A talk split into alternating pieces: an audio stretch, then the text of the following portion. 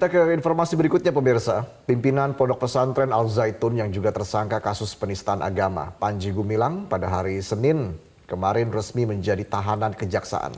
Pihak Baris Krim Polri yang menangani kasus ini menyerahkan yang bersangkutan berikut barang buktinya ke Kejaksaan Negeri Indramayu.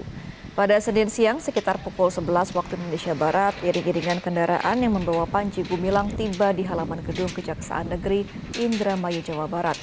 Kedatangan pimpinan Pondok Pesantren Al Zaitun ini mendapat pengawalan ketat petugas kepolisian bersenjata.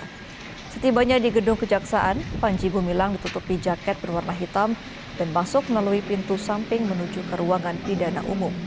Pelimpahan tersangka Panji Gumilang dan barang bukti ini merupakan tindak lanjut setelah tahapan berkas perkara penistaan agama dinyatakan lengkap atau P21 oleh Kejaksaan Agung.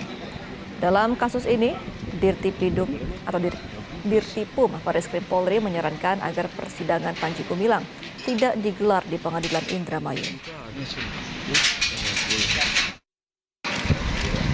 Lokus deliktinya kejadiannya itu terjadi di Indramayu.